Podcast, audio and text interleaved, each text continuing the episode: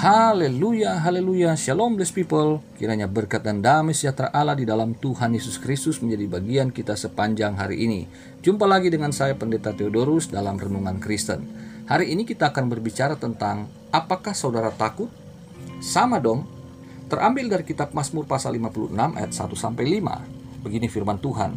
Untuk pemimpin biduan menurut lagu merpati di pohon-pohon tarbantin yang jauh Miktam dari Daud ketika orang Filistin menangkap dia di Gad. Kasihanilah aku ya Allah sebab orang-orang menginjak-injak aku. Sepanjang hari orang memerangi dan mengimpit aku. Seteru-seteruku menginjak-injak aku sepanjang hari. Bahkan banyak orang yang memerangi aku dengan sombong. Waktu aku takut, aku ini percaya kepadamu. Kepada Allah yang firmannya kupuji, kepada Allah aku percaya, aku tidak takut. Apakah yang dapat dilakukan manusia terhadap aku? Blessed people, apakah saudara pernah merasa takut ketika COVID-19 dinyatakan sebagai pandemi yang menyerang seluruh dunia, yang artinya semua orang berpotensi terkena atau terpapar penyakit tersebut? Sekarang, setelah satu tahun berjalan, apakah rasa takut itu masih ada meskipun pemerintah sedang menjalankan program vaksinasi?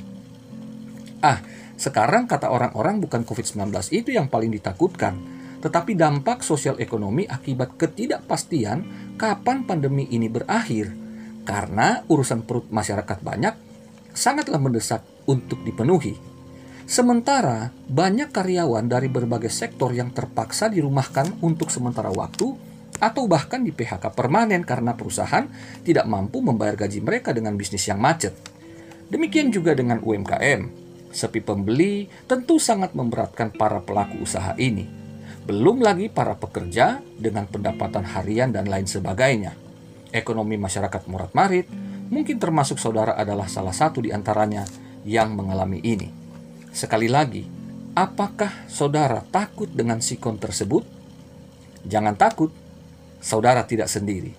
Ada banyak orang juga yang takut ketika masalah bertubi-tubi datang mengancam kehidupannya.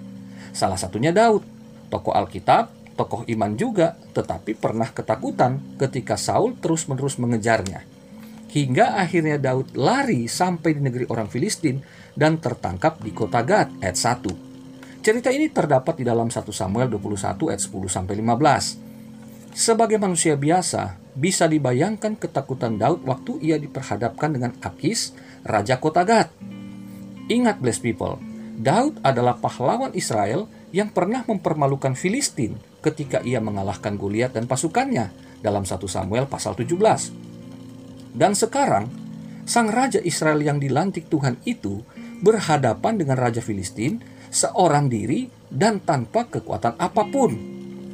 Lolos dari Saul dan sekarang Akis yang bisa membunuhnya kapan saja. Tanpa jalan, tanpa siapa pun yang dapat membantunya dalam sikon seperti itu. Apakah saudara sedang berada pada posisi seperti ini. Ibaratnya maju kena, mundur kena, dan tanpa harapan. Seperti Daud yang dijepit dua orang raja, mungkin demikianlah saudara yang saat ini terjepit dua masalah besar, yaitu ancaman COVID-19 di satu sisi dan ancaman ketiadaan uang di sisi lainnya. Keduanya sangat berbahaya dan mematikan. Namun demikian, blessed people, mari belajar dari Daud yang merasa takut ketika saudara mengalaminya juga. Pertama, Daud tahu hanya Allah yang mengasihaninya. Lihat yang kedua.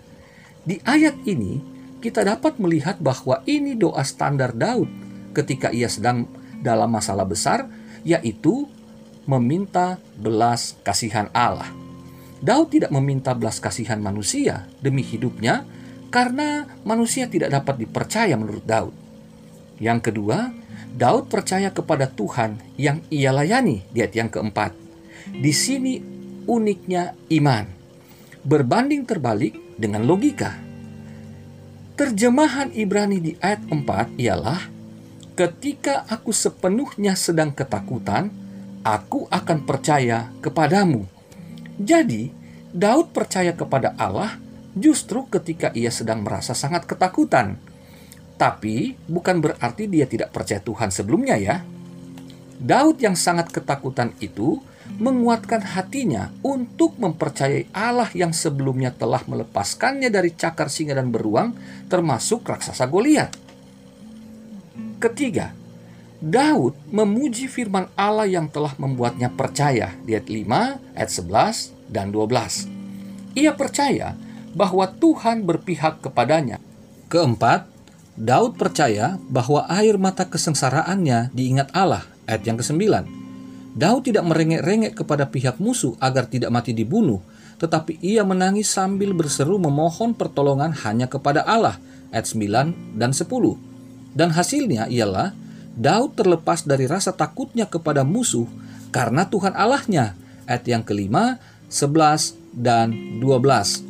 Akhirnya, Daud dapat mengucap syukur kepada Tuhan ayat yang ke-13. Rasa percaya dirinya kembali bangkit menatap masa depannya di ayat yang ke-14. Bless people, saudara yang terkasih. Jujur secara pribadi, saya tidak merasa takut dengan COVID-19 dan soal keuangan saat ini bukan berarti saya tidak pernah merasa takut. Ada saatnya saya nggak mengerti kok saya bisa takut akan satu persoalan yang sebetulnya nggak besar-besar amat, nggak susah-susah amat. Tetapi itulah manusia.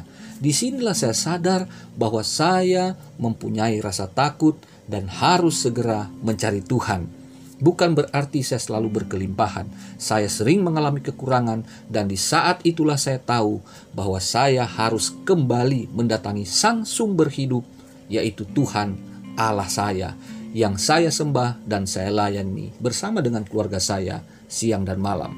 Mari bless people, tetap percaya meskipun di dalam kesulitan. Penyakit ini akan segera berlalu dan Tuhan pasti akan memakai pemerintah untuk kembali mengangkat kekuatan ekonomi bangsa kita dan kita pun akan terikut di dalamnya. Percayalah, maka terjadilah sesuai dengan imanmu. Tuhan Yesus mengasihimu, Tuhan Yesus memberkatimu. Haleluya, bless people.